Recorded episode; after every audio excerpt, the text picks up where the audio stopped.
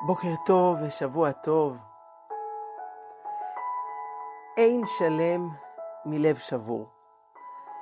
זה אולי הפתגם המפורסם ביותר של רבי מנחם מנדל מקוצק, שהלילה, כ"ב בשבט, יום פטירתו. הרבי מקוצק היה אחד החריפים והבולטים שבין גדולי החסידות. לא היו לו הרבה חסידים. הסיבה המרכזית לכך זאת השאיפה, החתירה הטוטלית שלו לאמת המוחלטת. הוא הציב רף מאוד גבוה של שלמות, של דיוק, שלא הרבה אנשים היו יכולים לעמוד בזה. הרבי מקוצק היה תלמידו של החוזה מלובלין. הוא עבר חיים לא פשוטים, עם צרות וייסורים. אשתו וכמעט כל ילדיו נפטרו בחייו. ולמרות זאת, הוא התמקד כל החיים בשאיפה הגדולה שלו לאמת. זה התבטא למשל בזה שלעומת אדמו"רים אחרים שהשאירו אחריהם ספרים וכתבים, הוא ציווה לבאר, להעלות באש עוד בחייו את הדברים שהוא כתב. לא להשאיר שום דבר ממנו. למה? ככל הנראה, זאת החתירה הזאת לשלמות, וממילא כל דבר שאני עושה זה לא מספיק שלם, זה חסר, אני לא רוצה להשאיר אחריי משהו חלקי. מה שבכל זאת נותר לנו ממנו זה משפטים קצרים, קולעים, שמפלחים את הלב כמו חץ שנכנס בול.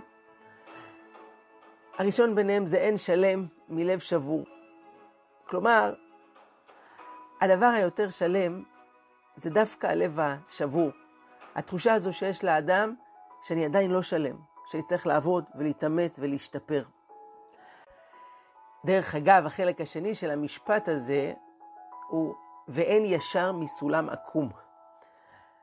אני מבין שהכוונה היא שהדרך לטפס למעלה היא לא הולכת באופן ישר. יש לה הרבה פיתולים, יש לה עליות ומורדות. מה עוד?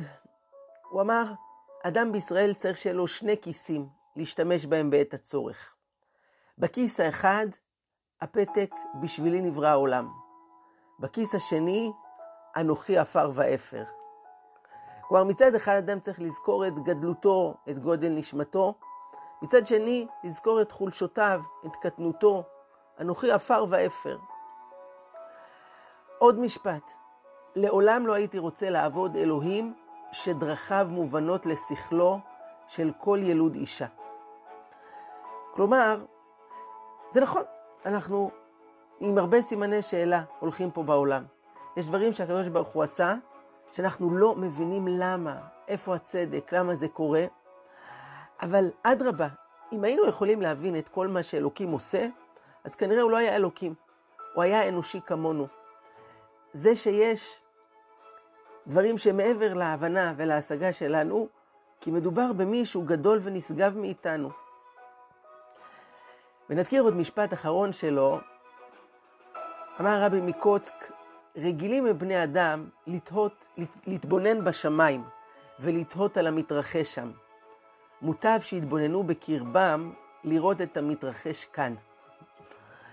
כלומר, בני אדם אוהבים להסתכל רחוק, ונדמה שהיום זה נכון פי כמה וכמה. אנחנו מחוברים לתקשורת, מה קורה בכל העולם, בקצווי תבל, הרשתות החברתיות, אתרי החדשות, מספרים לנו מה קורה בכל העולם. אבל מה קורה אצלי בלב? מה עובר עליי?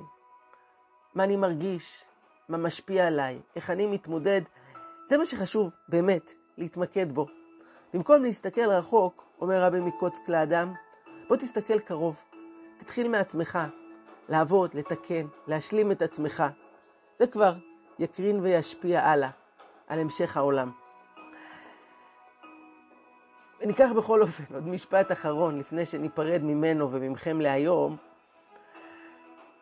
וזה טיפ שנוגע לכל המדריכים והמורים והמחנכים וההורים ששומעים אותנו עכשיו.